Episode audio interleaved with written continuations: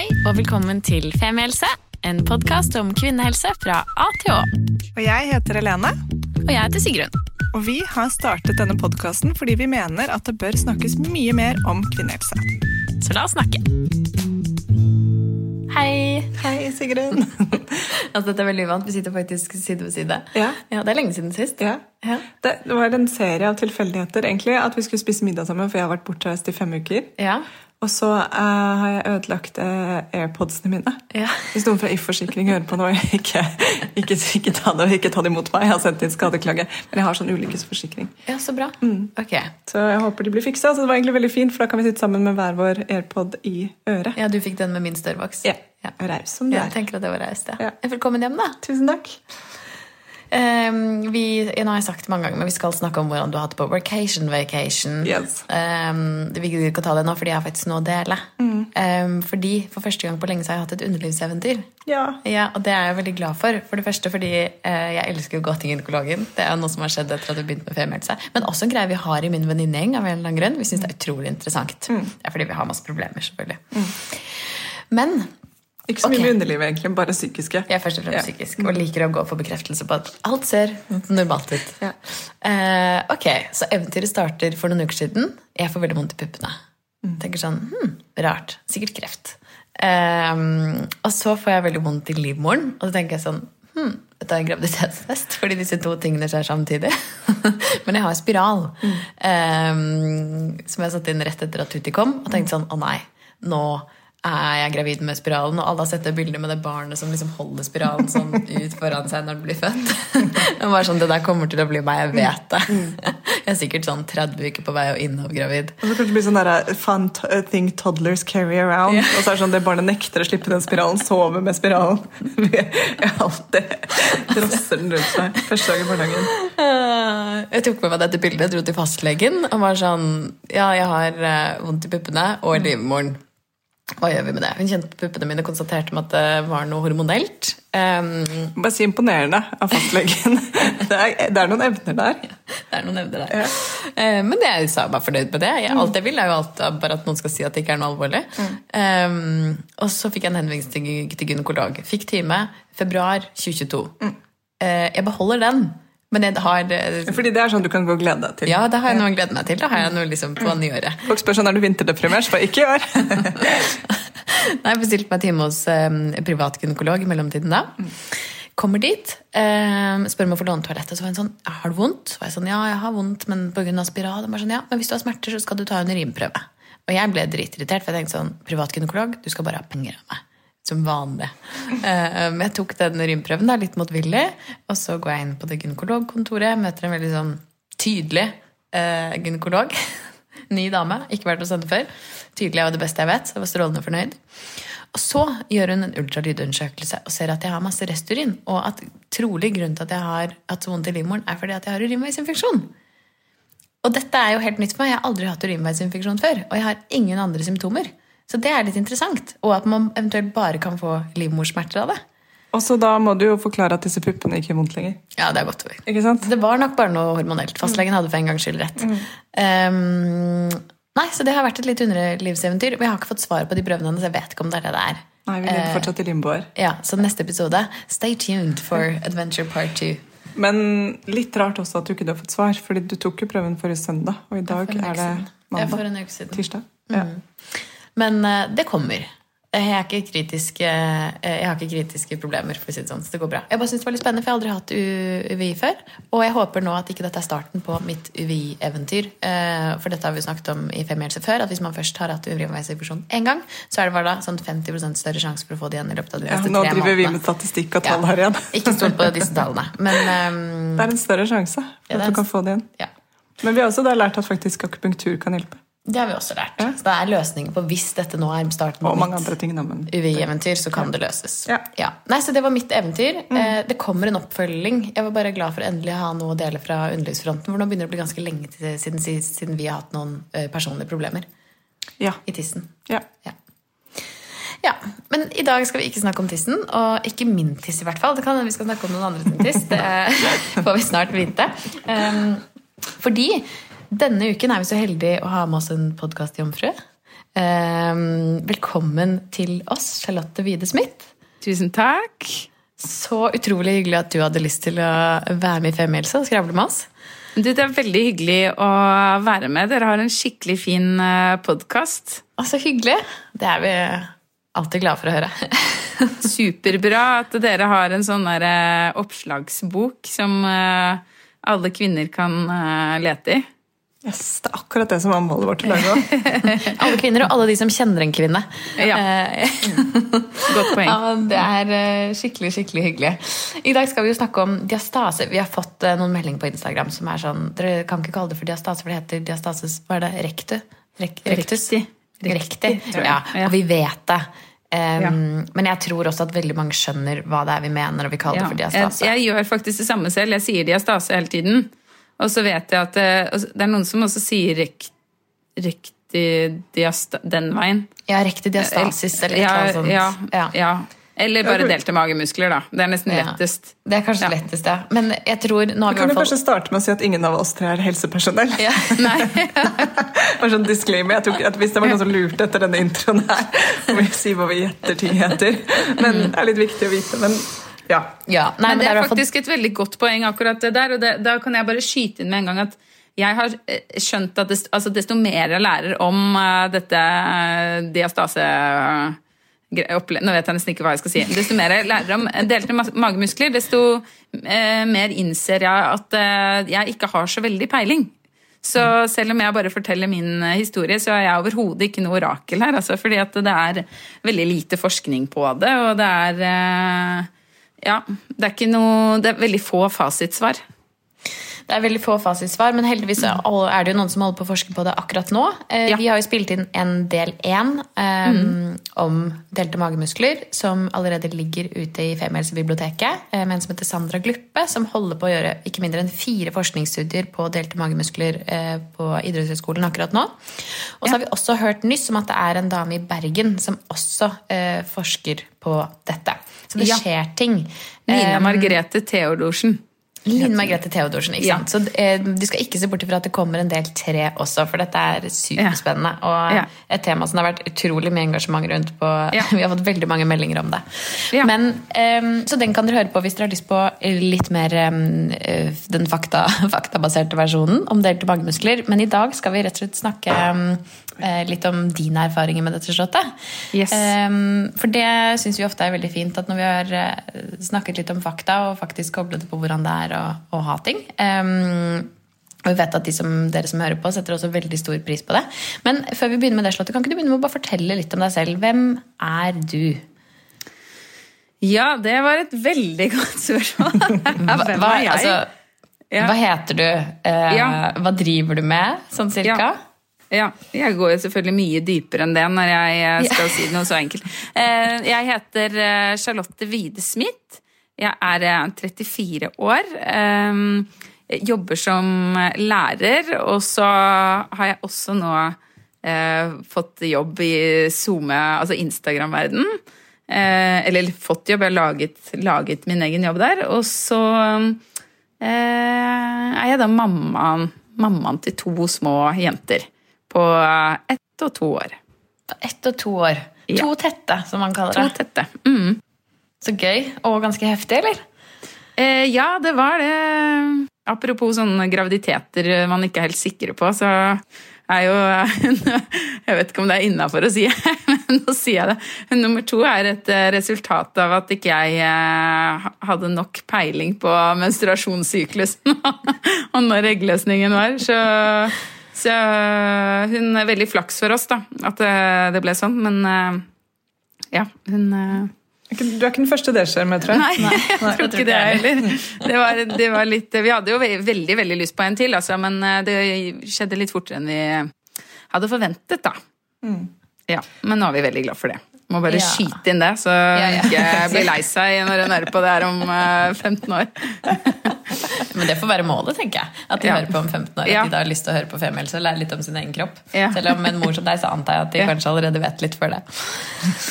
Men um, ehm, kanskje du også da eh, har lyst til å begynne Charlotte, med å fortelle litt om eh, For nå har du vært gjennom to graviditeter, to tette graviditeter. Det er ikke så lenge, eh, lenge siden heller. Hva tenkte du eh, før du ble gravid, eller kanskje da du ble gravid, da, med nummer én om eh, ja, hva som kom til å skje med kroppen, og da kanskje spesielt etter fødsel? Eh, jeg, jeg tror faktisk jeg hadde veldig lite tanker om hva som kom til å skje etter fødsel. Jeg. Jeg tenkte bare at jeg skulle ikke bli så stor gravid, og så tenkte jeg at jeg skulle være sånn veldig sporty gravid, og jeg skulle liksom Koste hva det koste vil, så skulle jeg liksom jobbe hele graviditeten og være en sånn eh, person da, som liksom sto i det og taklet det å være gravid. Hvor tror du de forventningene kom fra? Eller de tankene? Det Det vet eh, Jo, jeg vet jo det. Vet, det er jo eh, Faktisk eh, så husker jeg spesielt godt at på en tidligere arbeidsplass så var det liksom noen menn som satt og snakket om det her. Da. Nå skal jeg ikke legge skylda på menn, altså, fordi dette er et samfunnsproblem, tror jeg. Men, men de fortalte liksom om konene sine som var så utrolig tøffe, da. Og så tenkte jeg liksom at sånn, sånn skal jeg også være, liksom. Eh, men det, det skjønte jeg jo fort, at det er jo ikke akkurat noe man velger selv. Og jeg presset meg jo altfor langt når jeg ser tilbake eh, på det. Altfor langt i den første graviditeten i forhold til, eh, sånn i forhold til arbeidet. Eh, Ja. I forhold, ja. Hadde du en tøff, eh, tøffe graviditeter? En tøff første graviditet? Eh, ja, jeg hadde det, altså. Eh, eller syns jeg, da. Sånn, eh, hvis du ser det på papiret, så tror jeg ikke den var eh, spesielt tøff, liksom. Men jeg eh, Jeg eh, ble veldig hormonell. Så spesielt de første tre månedene så syns jeg liksom at jeg var en helt annen person. Eh, og det syns jeg var veldig vanskelig å forholde meg til. At jeg jeg ble mye fortere sur, f.eks., og mye mer lei meg enn jeg vanligvis er. og på en måte, Jeg følte meg ikke som meg selv i det hele tatt. Det, eh, sånn var det i ni måneder, men spesielt de tre første. da, Og det eh, syns jeg var veldig sånn, slitsomt å forholde meg til meg selv. Det kan jeg kjenne meg igjen i. ja. eh, og det også blir veldig snakket lite Ganske lite om, da. Akkurat, eh, akkurat det med hvor mye hormoner påvirker en. Ja, Så synes jeg også at Hvis man snakker om det, så er det litt sånn der, ja, gravide kvinner er crazy type måten å si det på. Istedenfor Ja. å si nettopp det du sier, sånn hvor utrolig slitsomt det må være. Eh, Jeg kan bare snakke ut ifra min egen PMS. liksom, altså Hvor slitsom man blir av å forholde seg til seg sjæl. Altså, Ja. sånn, det det var sånn jo sånn, ofte at jeg skjønte at jeg var urimelig også, men jeg bare ble sur. Ja, Men det har jeg også begynt å si når folk nå spør meg sånn Ja, hvordan var din eh, graviditet? Um, hvor jeg kan eh, ofte svare at eh, fysisk var den eh, helt ok, men aller verst var den psykisk. Og prøver Ja. å liksom si det litt høyt i rom hvor det er flere mennesker.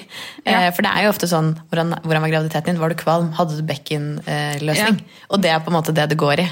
Um, Så jeg tenker det er veldig sunt at vi utvider det begrepet litt. Ja, det tenker jeg òg. Apropos det, så, så var jeg liksom eh, var, eh, jeg, jeg tok det veldig inn over meg eh, hvor, hvor stort ansvar det var å få barn. Og så eh, Akkurat som jeg på en måte Jeg hadde virkelig tenkt gjennom det på forhånd, altså, men når jeg gikk gravid, så, så bare slo det meg veldig, da.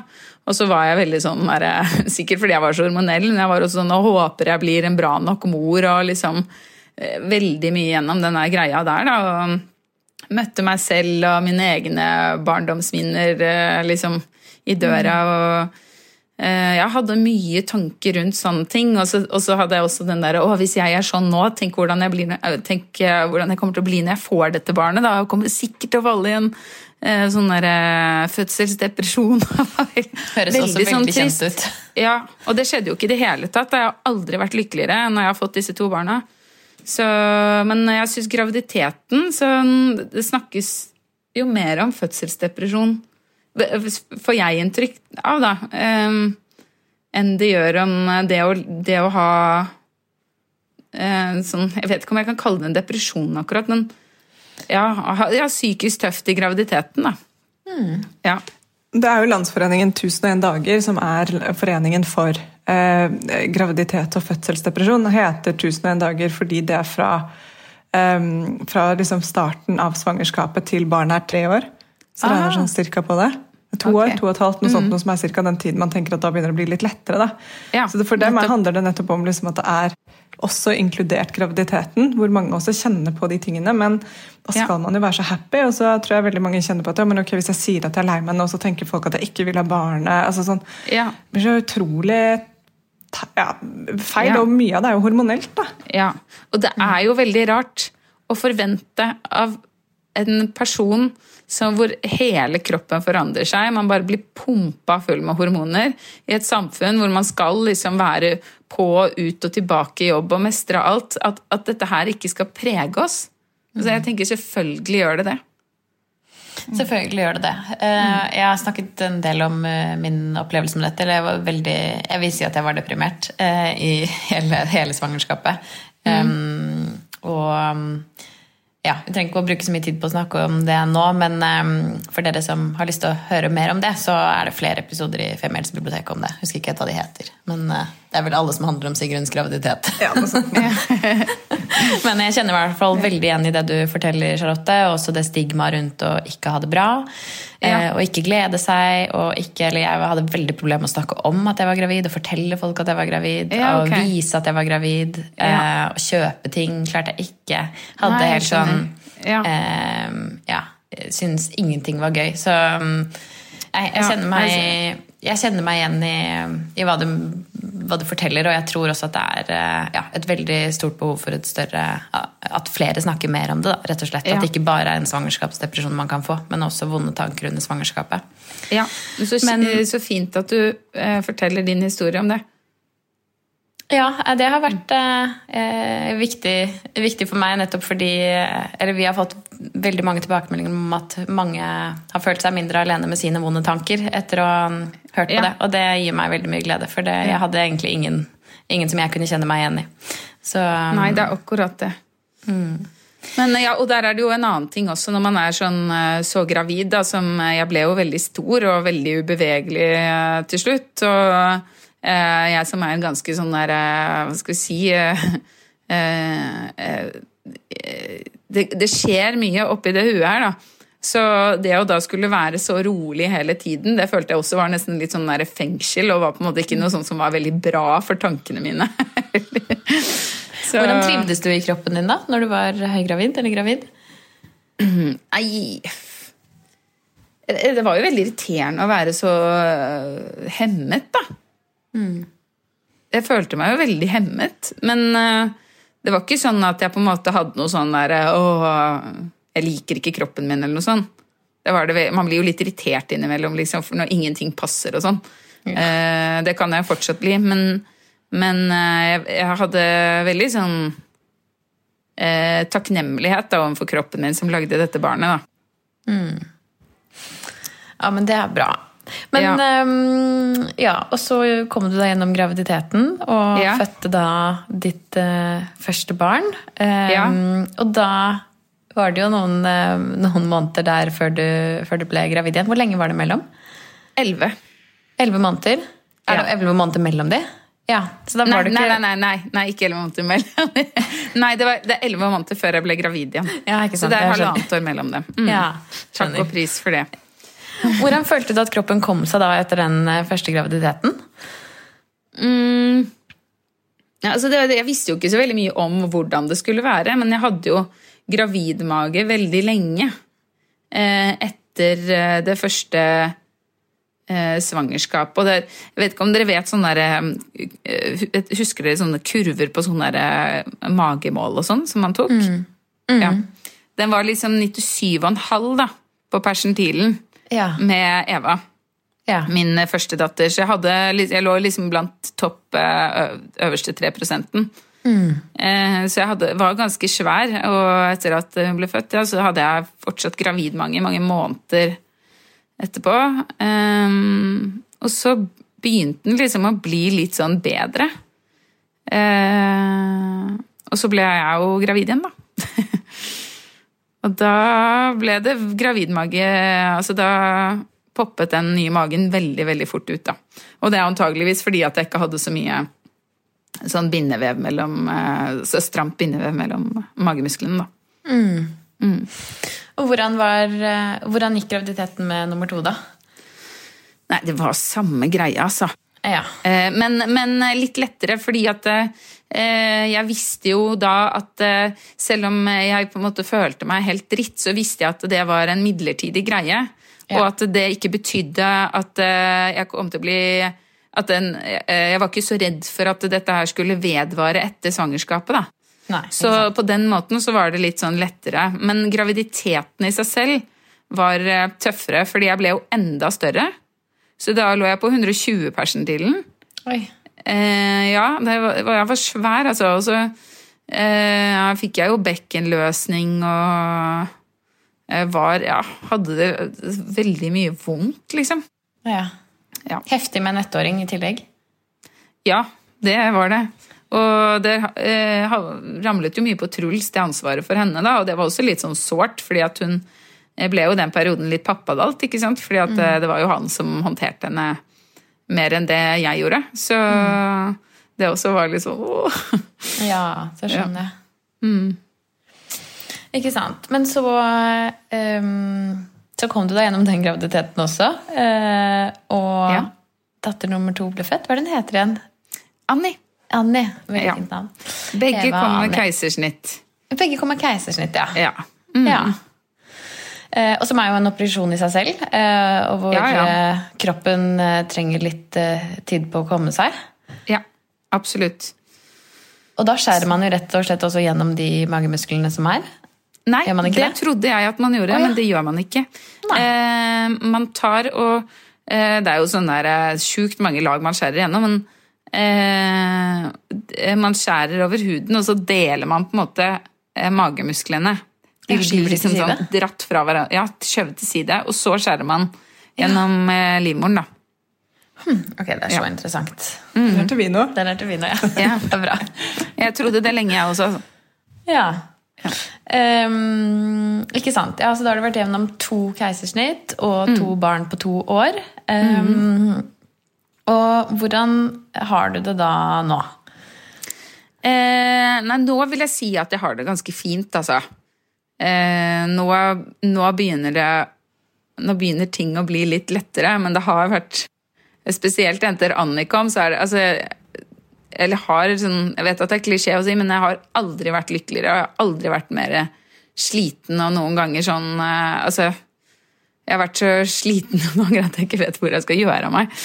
Eh, men heldigvis så har liksom bare det har vært så utrolig bra med disse jentene òg, da. Ja, Ja. det er så bra. Det er skikkelig skikkelig godt å høre.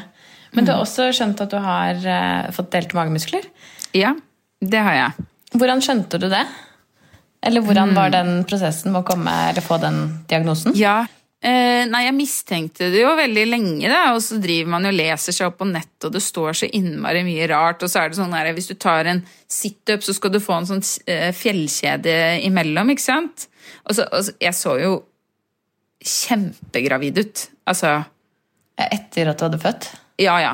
Lenge. Og det, ikke bare sånn litt, liksom. Jeg så ut som jeg var i tredje trimester hvis jeg hadde spist gluten. Så, så det var eh, jeg, jeg står svær ut, så jeg hadde en mistanke om det. Men samtidig så klarte jeg ikke å få til den der fjellkjeden da, når jeg prøvde å ta en situps. Fordi mine magemuskler, de, når jeg ligger på ryggen og strammer de, så samler de seg helt. Ja. Eh, men når jeg slapper av, så sklir de helt fra hverandre. Og når jeg står oppreist, så klarer jeg ikke å samle de. Da, da eh, Selv om jeg strammer, da, da er de fra hverandre, da. Men eh, grunnen til at jeg fant ordentlig ut av det, det var fordi at jeg følte at liksom eh, Dette er litt sånn utskill, men eh, jeg følte at det var noe som lå litt sånn feil inni magen. ja. Eh, følte at det var eh, rett og slett sånn en tarm eller noe sånn, et eller annet inni magen som sånn, hoppet litt sånn ut og inn av posisjon eller noe sånt. Eh, og så fortalte jeg dette til legen, og så sa jeg at eh, Og det, det hadde jeg fra første eh, etter første svangerskap også, hadde jeg den følelsen. Og så sa jeg sånn Det bekymrer meg lite grann, liksom. Eh, og så sa han sånn Ja, men da bare går du og tar en røntgen av det, da. Og da tok jeg røntgen av magen. Um, som ikke er vanlig for å finne ut om man har diastase, men eh, gjorde det for å sjekke det her. Da, da, så man at jeg hadde en sånn kjempe Altså minst 7,5 cm da når jeg ligger på ryggen, liksom. Ja. Eh, Så jeg mistenker jo at den er enda større når jeg står. Eh, Når det er litt mer trykk, liksom. Mm. Og en eh, liten brokk. Og så så man også da at liksom det, Som er ganske vanlig, da. Ikke bare hos de som har diastase, har jeg hørt, men det vet jeg ikke om det stemmer. Men, men at eh, tykktarmen liksom faller litt ned. ja. Ja. Så etter graviditeten, fordi ting blir liksom sånn flytta litt på. Så det var ikke noe farlig, eller noe sånt, men det er antageligvis det jeg følte. Det du kjenner på. på? Ja, kunne kjenne litt på. Spesielt når jeg spiste gluten. Ja. Herregud, så, så interessant. Og for på en måte en litt sånn sprø måte å finne det ut på også, fordi man faktisk ser det. Men Ja. um, tok du da For da fikk du diagnosen eh, etter at du hadde tatt denne røntgen... Dette Ja. røntgenbildet? Ja, jeg vet liksom ikke om man får en diagnose heller. Det er bare sånn ja. Nei, men jeg tenker mer på, eller det jeg egentlig er nysgjerrig på, er For jeg antar at du da tok med deg informasjonen tilbake til fastlegen. Em, Hva sa fastlegen da? Nei, fastlegen hadde hele tiden sagt at han trodde at jeg hadde delte magemuskler. Ja, ok. Ja, så, det, så det var ikke noe jeg måtte krangle med han om. for å si det sånn. Nei. Han er kjempeflink, og han sa at han trodde jeg hadde delte magemuskler, og hadde allerede eh, sendt en henvisning til sykehuset og sånn eh, på det, men det tar jo et år. Et år, ja. Ja. Ja. Så, så det var på en måte bare en bekreftelse, da, den røntgengreia, på at eh, jeg faktisk hadde eh, Ja. veldig delte magemuskler. Mm. Ja. Og hva er, det den, hva er det man ønsker å gjøre på sykehuset? Er det da for å diskutere om det er en, nei, en operasjon, eller? Ja, det er akkurat det. Man eh, må på konsultasjon, og så skal de bestemme da, for man får, får eh, operasjonen dekket av staten eller ikke. Ja. Eh, og da det jeg også har, eh, som fastlegen min har eh, forberedt meg litt på, det er jo også at man eh, kan jo eh, Det er ikke sikkert at man får eh, At de tettere igjen magemusklene tar huden og den navlebrokken. Fordi det er tre forskjellige ting. Så det kan Ja. hende at de bare gjør én ting, og da må man også vurdere om ok, orker man å gå gjennom tre forskjellige operasjoner, eller vil man da gjøre det samlet hos en privat en. Ja, ikke sant? Ja. Så da er det et valg man må ta i tillegg. Ja. Heftig. Men em, frem til du da får denne konsultasjonen på sykehuset, er, du fått noen, er det noen andre ting du gjør? Ja, altså jeg har prøvd veldig, veldig mye. Eh, Jeg har prøvd egentlig alt for å prøve å bli kvitt eh, Altså, ja Tette igjen dette hullet, holdt jeg på å si. Um, det er litt sånn derre Jeg syns det er litt vanskelig, faktisk, å si så mye om akkurat det, fordi at Ehm, de tingene jeg har prøvd, har ikke funket for meg. Nei. Men jeg har heller ikke prøvd de helt ut heller. Nei. Fordi at jeg har på en måte blitt litt verre av det, er min, Ja. min eh, eh, ja, Sånn jeg har opplevd det. Så jeg har opplevd at jeg har ikke blitt bedre, jeg har blitt verre. Eh, Men jeg antar du det da er snakk om ulike treningsøvelser og Ja. sånne type ting? Ja. Ja. Eh, For eksempel så er det en del av disse øvelsene som går på på en måte også, ehm, også eh, At man også skal på en måte eh, Hva heter det Sånn bekkenbunnsøvelser og sånn. Som jeg da har gjort veldig veldig mye av. Og jeg har jo hatt veldig vondt i bekkenbunnen veldig lenge. Og da var det hun, hun der, eh, Nina Margrethe i Bergen som mm. som sa til meg at eh, jeg bare skulle stoppe med det der. Fordi det kan hende jeg bare gjorde jo vondt verre. Og så stoppet jeg med det, og jeg ble jo veldig mye bedre. Ja. Men jeg har jo trodd at jeg har trengt å gjøre bekkenbunnsøvelser. Mm. Men jeg trengte jo å stoppe med det, fordi at jeg var jo bare altfor eh, stram liksom i hele eh, regionen, holdt jeg på å si. Ja. Ja, det er mange ting som henger sammen, eh, og som er vanskelig å vite om, med mindre man får liksom en helhetlig undersøkelse. ja, det er man, helt umulig. og noe Altså, hvor- man ikke får. Ja, det, er- det er helt umulig å vite. Altså, det, det, er der, det er det som er så trist, at det ikke er noe sånn et helhetlig sånn eh, program til oss etter fødsel. hvor man, altså Det handler bare om å på en måte stille noen spørsmål for å utelukke ting. Og hvis det er noen som har noen problemer, så må man grave, se litt dypere inn i det. da. Og det tror jeg bare så lett kunne hjulpet veldig mange kvinner. Og, ja, og ikke bare se på problem-årsak, men eh, se litt på det større bildet. Det er noe vi har diskutert mange ganger, også behovet for å kanskje Ja. i, i Kanskje behov for en litt mer sånn holistisk syn på det. Ikke sant? Se kroppen i et litt større bilde enn bare akkurat der man har vondt, eller akkurat der problemet kanskje ligger. Ja. Og så ikke minst da få, hvis man finner ut at det er et problem, da få oppfølging på det problemet. Absolutt. Um, Men har du også For nå har du jo sagt at du um, ja, opplevde lenge at magen var stor, og eh, at du syntes det var vanskelig å samle muskler. Men har du også andre plager i hverdagen, eller har du hatt det? Eh, ja, jeg hadde veldig mange plager. Eh, skikkelig mange, vil jeg si. Det, det føltes ut som det på en måte startet fra bekkenet, og så eh, eh, spredde det seg liksom oppover ryggen, og så da i bekkenbunnen, som var skikkelig vond. Eh, og så nedover bena. Altså bare hele, det føltes ut som hele kroppen min var én stor betennelse.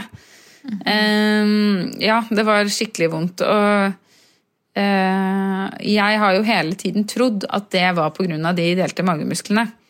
Uh, og det er jo ikke så veldig rart at man trekker den slutningen i og med at man vet at man har et problem, og så foran, og så tenker man at ja, det er fordi at jeg overbelaster meg bak.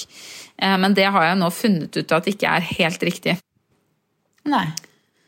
Uh, og det er fordi at uh, hun der forskeren i Bergen som jeg, Hun kontaktet meg på Instagram, og så sa hun at uh, jeg har noe informasjon som jeg tror kanskje du kan dra nytte av. Og så sa hun det der liksom bare slutt med alt du driver med, og så må du Nå er jeg redd for å på en måte feilsitere henne, da. Ja. Så nå sier jeg det jeg tror hun sa til meg. Ja, men da har, Men, da har du sagt ja. det høyt, at det er ikke sikkert at dette er riktig. Ja. Men det er hvert uten å gå i detalj, da. Så, si, så var det slik jeg forsto det, at når man er gravid, så belaster man jo kroppen på en annen måte enn når man ikke er gravid. Ikke sant? Eh, sånn at du bruker, ja, du bruker muskler og muskelgrupper du ikke bruker eh, når du ikke er gravid, og motsatt. Eh, og, og slik jeg da forsto det, så hadde, jeg, så hadde jeg liksom fortsatt litt med det. Som gjorde Ja. at jeg fikk på en måte noen typiske gravidsmerter. Ja, Sånn at eh, hun ba meg om å koble på spesielt én muskelgruppe liksom i hofta. da. Som ja. hun ville at jeg skulle få litt sånn kontakt med igjen. Så sa hun tren det her, det tror jeg vil hjelpe deg. Og så begynte jeg å trene, Det var sånn ekstremt enkel øvelse som jeg bare sto og gjorde litt, eh, ikke lenge.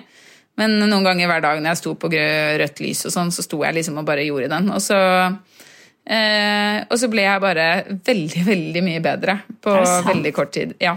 Oi, så Så det var eh, litt sånn der, eh, sjokkerende, faktisk, at eh, eh, det var det. Men det. Og det er veldig bra, da, at det bare var muskulært, og det trodde jeg for så vidt at det var også. Men, eh, ja, men jeg er ikke helt bra. Det er jeg ikke. Nei, men du er Nei. bedre. Jeg bare sitter og tenker sånn, Tenk på alle de som ikke har en Instagram-konto som gjør at de når ut til eh, Eller at noen hører om problemene dine og sier hei, dette er informasjon du kanskje vil ha eh, nytte av. Absolutt. Ja. Eh, den, jeg har fått veldig mye informasjon gjennom den kontoen. Jeg har jo veldig lyst til å, å formidle det videre, og samtidig så har jeg allerede drevet med noe feilformidling fordi at de tingene jeg trodde var riktige, har eh, vært litt feil og sånn, så nå før jeg formidler noe som helst videre, så skal jeg snakke ordentlig med disse damene, da, sånn at jeg vet at det jeg sier liksom er korrekt. Nei, men det er vanskelig med helseformidling, for eh, ja, det har jo også selvfølgelig en stor verdi at du snakker om det. Eh, tenker jeg, selv om det da noen ganger blir litt feil. Selv om det helst selvfølgelig skal være riktig. Ja. Um, Absolutt. Nei, det er jo en tricky balanse vi også kjenner på. Som, Definitivt. Og når alt er så innmari individuelt, og hvis Sigrun hadde ringt meg og sagt hun har vondt i puppene og i livmoren, så ville ikke jeg sagt sånn du, det høres ut som urinveisinfeksjon. Nei. Så det er jo en grunn til at man skal gå til eh, fastlegen sin, til gynekologen Ja. sin og sjekke opp ting. ikke sant? Absolutt. selv om du hører om, noe på en podkast eller ser Ja. noe på Instagram. Ja, ikke sant? Og selv om man tenker at «Å, jeg tror også jeg har delte magemuskler og kjennes ut som kroppen min også er betent, så er det ikke sikkert at den øvelsen hadde hjulpet for deg. Da kan det jo hende at du faktisk har en betennelse. Eller, altså, ja. Ja. Så det er jo det som er Jeg er helt enig, i hvert fall når vi er tre ikke-helsepersonell. Men, men poenget nå var jo å få uansett din historie og, og få snakket mer om dette, som er det viktige. da. Og for at dere som sitter der ute og kjenner dere igjen, ikke skal føle at det er bare dere det gjelder. Nei. Og det, når det er sagt, da, så er det jo sånn, det er ikke sånn at alle smertene gikk vekk, men jeg vil si 80 eh, gikk vekk. Eh, og i hvert fall det liksom nedover i bena og bekkenbunnen og sånn. Men, eh, men jeg sliter fortsatt Når jeg for eksempel stå og lager mat og sånn, så, så får, har jeg ganske vondt i korsryggen, da. Og det tenker jeg det er ikke så rart. Jeg hørte hun eh, Sandra si at det var liksom ikke noe sånn bevist eh, at eh, det var noe sammenheng mellom delte magemuskler og smerter i korsryggen og sånn, men det tror jeg personlig ikke stemmer helt, da. Jeg tror at det er en liten sammenheng der. ja. Ja. Og det er sikkert eh, forskjellig, det også. Og som Sandra også snakket om, del om, så er det jo veldig lite forskning på det fortsatt. Det selv, om, lite, eh, ja. selv om noen holder på nå. Så, Ja, og jeg eh, faller jo også i kategorien eh, at, jeg, at jeg har Hva heter det? Store delte mage... Eller sånn Jeg har ve veldig delte magemuskler, da. Altså i det øverste sjiktet. Og det var det for- sa han jo også at de er nesten ikke forsket noen ting på i det hele tatt. Så eh, det kan jo også være en årsak til at ikke det ja, har kommet godt frem. Men eh, nå er det jo veldig spennende da, å høre hva som eh, eh, kommer ut av konsultasjonen på sykehuset. Men hva er, måte, hva er målet ditt? Eh, du, det har vært veldig frem og tilbake og, og tenkt veldig mye på. Um, sånn gått og grubla litt på det. Eh, men jeg har vel på en måte slått meg litt til ro med at jeg, eh, jeg kommer til å operere. Eller i hvert fall det jeg tenker nå, da. Eh, at jeg kommer til å operere uansett. Og så håper jeg jo på en måte at jeg får den på staten, både fordi at da slipper jeg å bruke enda mer penger på det her, og fordi at eh, da er det jo måte noen som ser meg og anerkjenner eh, det problemet jeg har, da. Så, så jeg håper jo at jeg får det dekket.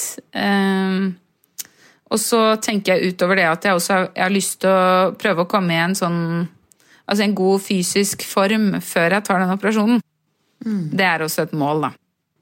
For det har ikke vært Og det, det er en ting jeg gjerne vil skyte inn, som hun, eh, forskeren også sa, at eh, eh, en stor del av problemet er jo at eh, eh, det er så mye informasjon der ute, så man blir redd for å gjøre noe gærent. Så man slutter å bevege seg. Eh, men det er veldig viktig at man beveger seg. Da. Og det er ikke farlig å bevege seg med delte magemuskler. Det er ikke farlig å trene med det. Det er heller ikke farlig å eh, gjøre mageøvelser. Kanskje ikke gjøre ting som har for mye buktrykk, på en måte. Men eh, det er ikke farlig å trene. og eh, det også, jeg tror at det var en av de tingene som var med på å hjelpe meg veldig. Da, at, jeg, at jeg begynte å bevege meg mer. At jeg ikke var så redd hele tiden for å gjøre noe gærent. Ikke sant? Ja, Ja. Det skjønner jeg at det er befriende. Og Ja. Mm, Vi snakket jo litt om det i den podkasten om, eh, om smerter, om langvarige smerter. Nettopp det at Hvis du for eksempel har hatt et kink i ryggen én gang, så er det veldig fort Ja. gjort at man begynner å bevege seg sånn på en måte for å ikke få det kinket en gang til, og så plutselig så får du kink fordi du beveger deg helt feil. Og Ja. Det er den der eh, sirkelen man kommer inn i veldig ubevisst. da, At man liksom går Ja. og beveger seg for å unngå smerter, og så får man plutselig mer vondt av det. Ja, ja absolutt. Så det var sånn der, bare det der eh, å få den beskjeden at du kan bare gå på tur, bevege deg, det går bra, liksom. Så var det en lettelse. For jeg hadde jo gått på tur og da følt at jeg var Eller ikke følt, jeg, hvis jeg gikk i tre kvarter, så var jeg nærmest sengenliggende dagen etterpå, men det var vel sikkert fordi at jeg bare har vært i så dårlig form, da. Ja. At eh, kroppen min liksom eh, ikke har tålt så mye bevegelse. Og jeg hadde jo eh, ja, har jo hatt mye smerter, så det, tar sikkert, det er sikkert sånn tilvenningsperiode for kroppen også. Det å begynne å bevege seg igjen. Og så blir man jo sliten av å ha smerter. Eh, Ja, I seg veldig. selv òg. Ja. Ikke minst. Det, det... det- Det, gjør man absolutt, og det, det, det er litt sånn kjipt for de som Altså, jeg har fått veldig respekt for eh, folk som har kroniske sykdommer, fordi det, det, det er som du sier, det er kjempeslitsomt på alle mulige måter å gå rundt og ha så mye smerter, og man blir lei av seg sjæl. Fordi at man har vondt hele tiden, og jeg følte at jeg klagde mye, og jeg kunne ikke bidra. Og ja, det er litt sånn eh, eh, Ja, det er krevende, rett og slett. Ja, det skjønner jeg skikkelig, skikkelig godt. Og så håper jeg jo at eh, uavhengig av hva, altså om det blir operasjon eller hva det blir, da, at eh, du kommer tilbake til en kropp som fungerer. eh, fungerer. Eh, Og slippe at selv om du har fått to barn og vært gjennom to, to tette graviditeter og ja, og ha en kropp som fint klarer seg gjennom hverdagen. Ja, og det er det som er litt tanken min i, i dette her operere eller ikke operere. Så har jeg vel funnet ut at sånn Forhåpentligvis så blir jeg en gammel dame, da. Så hvis jeg plutselig skal ha den kroppen her i 50 år til, eh, så er det litt sånn dumt å gå rundt med en kropp som ikke fungerer helt sånn som den skal. Så da er jeg villig til å ta den risikoen det er da å operere. Ja, Det, det kan jeg absolutt forstå, Charlotte. Jeg syns det er eh, Ja. Det er på en måte en, en litt sånn Jeg syns det er en heftig historie, og det er fordi at det er så altså, Tenk hvor mange av oss kvinner som går gjennom graviditeter og føder barn, og som kjenner på i, bare i noen grad at kroppen ikke fungerer eh, helt som den skal. Um, og som ikke vet at de kan gjøre noe med det, eller um, ja, ikke har muligheten til det, ikke får den hjelpen de trenger, um, eller tenker at det bare Ok, nå, jeg er kvinne, jeg har fått et barn, det er bare sånn det er. eh, som jeg tror veldig mange gjør. Så um, ja, dette er jo også en oppfordring til dere som hører på, om å eh, hvis dere går og kjenner på noe, eh, om å ta det opp med, en, med legen. Og Ja, høre og om det er noe man kan faktisk, gjøre. Hvis jeg kan komme med et innspill der, så det. ta det absolutt opp med legen først, fordi det er sånn vi snakket om. Det er vik vik viktig å få en medisinsk vurdering av det. Mm. Men eh, det jeg også har eh, skjønt litt da etter alt det her, at det er liksom ikke alt legen altså, Legen er jo ikke noe orakel på alt, så eh, det kan også være en idé å snakke med en fysioterapeut, f.eks. Eh, og disse forskerne, de, det er jo fysioterapeuter. Som vi driver og snakker om. De har jo veldig peiling. Eh, og det er inne på Søren, altså. Den dyslektikerhjernen min glemmer Jeg vet sånn- akkurat hvilken link det er du skal henvise til nå. Ja. Man finner alle fysioterapeuter som er gode på kvinnehelse. Kio, nei. Ja. Eh, Eh, Q... Landsforeningen eh, for fysioterapeuter. altså. Det er, den er, det er eh, en liste på ca. 250 sertifiserte Ja. Fysioterapeut. vi skal dele den hoster eh, eh, i bioen mm, på denne Ja, gjør det. Ja. det skal vi gjøre. Vi skal finne ut av hva den heter, for vi vet det alle tre. Vi bare kommer ikke på det. Nei. Eh, ja, men, og det er Eh, skikkelig lurt. Og jeg tenker også at eh, det er kjempelurt, men at det også er dyrt å drive og gå til eh, å gå til sånne ting privat. Så det går også an, hvis legen din ikke vet hva det er, men du har et problem, å si jeg vil gjerne ha en henvisning til en fysioterapeut. Ja, det tror jeg er veldig, veldig smart, og det er eh, eh, Jeg har jo også skjønt i ettertid, for nå har jo jeg sittet med denne Instagram-kontoen min og delt litt, da, og så får jeg jo eh, veldig mye svar av kvinner, og da eh, skjønner jeg også hvor mye som, som kan skje etter en fødsel. Da. Og jeg skjønner jo at man ikke får informasjon om alt, for da blir man jo gæren. Men, men eh, jeg skulle jo ønske at, eh, at ja, som jeg sa i sted, at det ble stilt noen sånne kontrollspørsmål på et, eh, etter at man har vært gravid, så noen andre kunne finne ut av det for oss. da. Men mm. det er jo også kanskje sånn eh, et annet tips jeg har fått, er å, hvis man har på en måte litt sånn problemer i underlivet, er å gå og ta en eh, underlivsundersøkelse stående.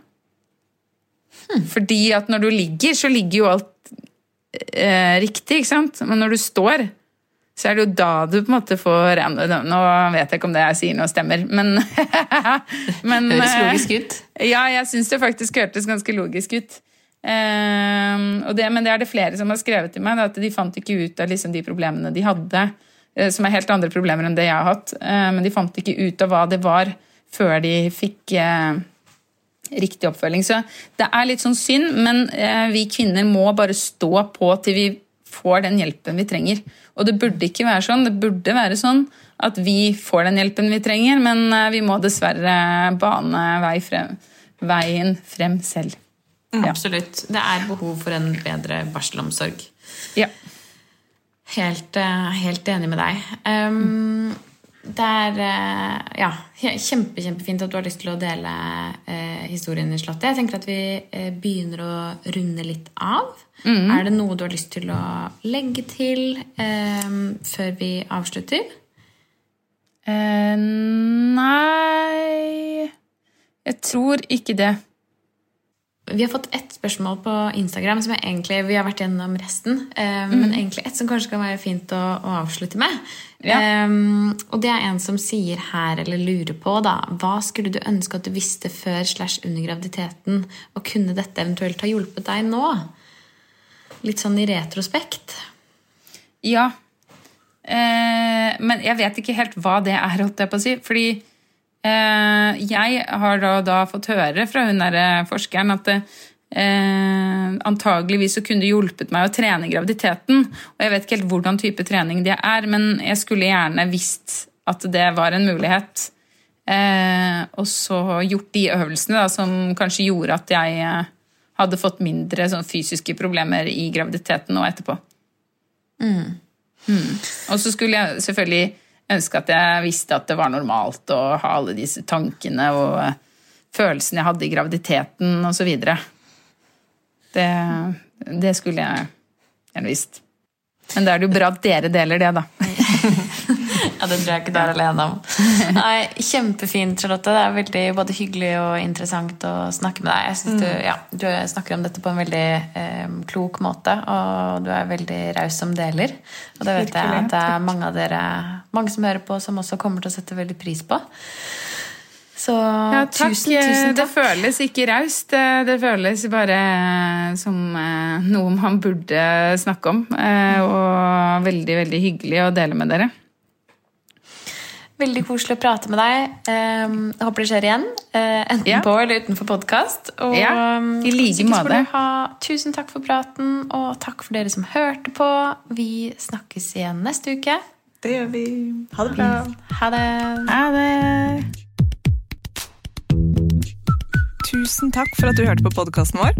Selv om det forhåpentligvis kommer tydelig frem, så vil vi understreke at vi ikke er helsepersonell. Ja, så som vanlig, kontakt legen din om du har noen spørsmål, eller om du skal begynne på noen form for behandling. Og har du et tema som du har lyst til at vi skal snakke om, eller noe ris eller ros, så send oss gjerne en melding på Facebook eller på Instagram. Der finner du oss under Femihelse. Og du kan gjerne rate oss på iTunes, det er skikkelig hyggelig for oss.